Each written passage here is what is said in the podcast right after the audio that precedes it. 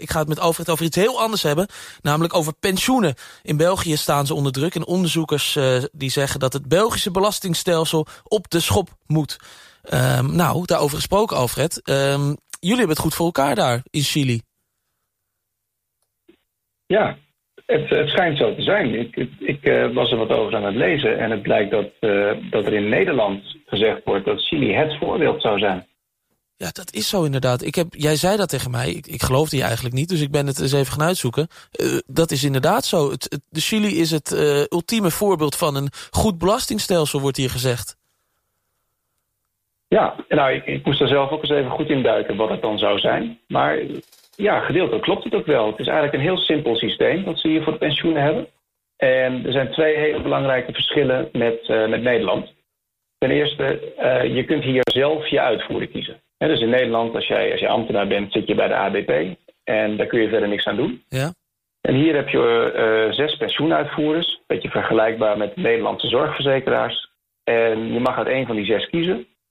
Binnen die, uh, die zes uitvoerders mag je dan ook nog eens een risicoprofiel kiezen. Dus wil je dat het met veel risico of met weinig risico belegd wordt. Ja. Ja, die keuze mag je, mag je helemaal zelf, uh, zelf maken. En als je niet bevalt, ja, dan, dan stap je over. Ja, dus je kan ook nog overstappen op een gegeven moment. Net als net inderdaad precies ja, zoals die zorgverzekeringen. Ja, en, en eigenlijk is het, is het makkelijker nog. Uh, je kunt overstappen. Maar het mooie is als je dus van werkgever naar werkgever gaat... dus je krijgt een andere baan bij een ander bedrijf... ja, jij hebt gewoon je relatie met je, met je pensioenverzekeraar. Dus dat neem je gewoon mee. En jij geeft aan je nieuwe werkgever aan van... ik zit bij uh, die en die. Ja. En, en daar gaat dan jouw, jouw pensioenafdracht heen. Ja, want dat is hier gedoe, hè? Ja, dat is, dat is, ontzettend gedoe. Als je, als je Nederland overstapt, dan, uh, dan krijg je van die, van die waardeoverdrachten. En nou, ik heb het in Nederland meegemaakt dat ik alweer bij de volgende werkgever zat... Uh, voordat dat een keer geregeld was. Oh ja.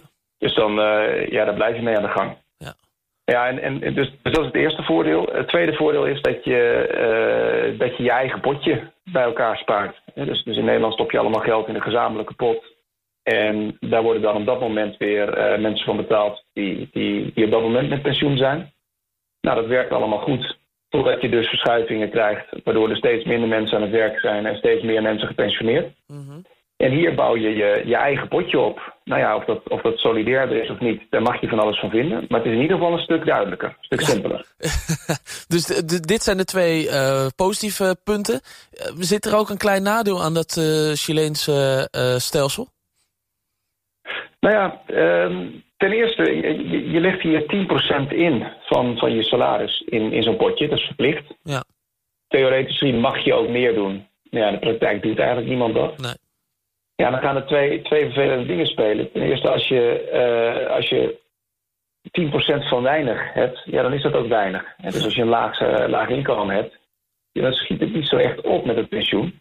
En daarbij, je hebt hier best wel uh, veel banen in de, in de informele sector, om het dan even netjes te zeggen. Oftewel uh, zwart betaald. Ja. Uh, je hebt ook veel mensen die een gedeelte van hun leven dan als ZZP'er, een eigen bedrijfje hebben of ja. wat dan ook. Dus ja, eigenlijk komt er niemand echt aan die, aan die 40 jaar trouwpensioen opbouwen. Dus je ziet dat, dat als hier mensen bij de pensioenleeftijd zijn, ja, dan komen ze meestal zo'n beetje uit op, op 45% van hun laatste salaris. En vrouwen, die dan natuurlijk in het traditionele rolpatroon hier nog wel uh, langer ook thuis zijn en voor de kinderen zorgen en dus niet aan het werk zijn of minder aan het werk zijn, ja, die komen zelfs op, op gemiddeld 31% uit.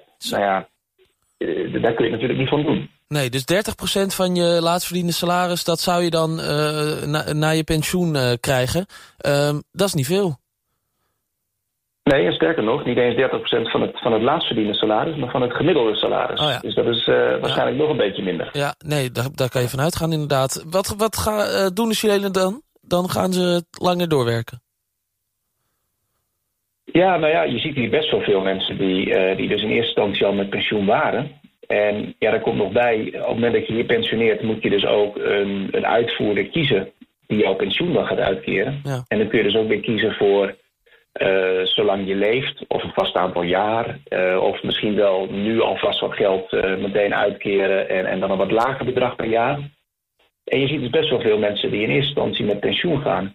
En dan op een 70 of zo ineens weer wat gaan doen. Omdat het toch wel een beetje, een beetje tegenvalt. en ja, ze toch, toch, toch wel een beetje langer blijven leven dan ze zelf verwacht hadden. ja, dat is lastig dan. Ja, als het geld op is, dan moet je weer aan de bak dus gewoon. Precies. Ja. Ja, zou je nou zeggen, neem dit over in Nederland... of het is toch wel prima wat jullie hebben? Nou, ik vind het, vind het best wel een spannend systeem. Je moet het zeker niet overnemen zoals het hier in Chili gaat. Je, hebt, je, hebt, hier natuurlijk ook nog weer al die grote families die dan het spul allemaal een beetje eh, in eigen hand hebben. En dat zijn ook weer de families die dan uh, de, de, pensioenbedrijven hebben. Dus dan betaal je, ja, dan krijg je je salaris van degene waar je ook je pensioen aan betaalt. Ja. Wat dat betreft vind ik het wel fijn dat het in Nederland uh, iets zelfstandiger in elkaar zit. Maar het, het, idee dat je gewoon je, je, eigen potje hebt waarvan je precies snapt van oké, dit heb ik erin gestopt en dit is er van over. Ja, dat, ik denk dat dat wel helpt. Ja. Nou, we gaan het in de gaten houden, Alfred. Dankjewel. Fijn dat we je mochten bellen. Zo vanuit uh, Chili. En ik zou zeggen, tot snel. Tot snel.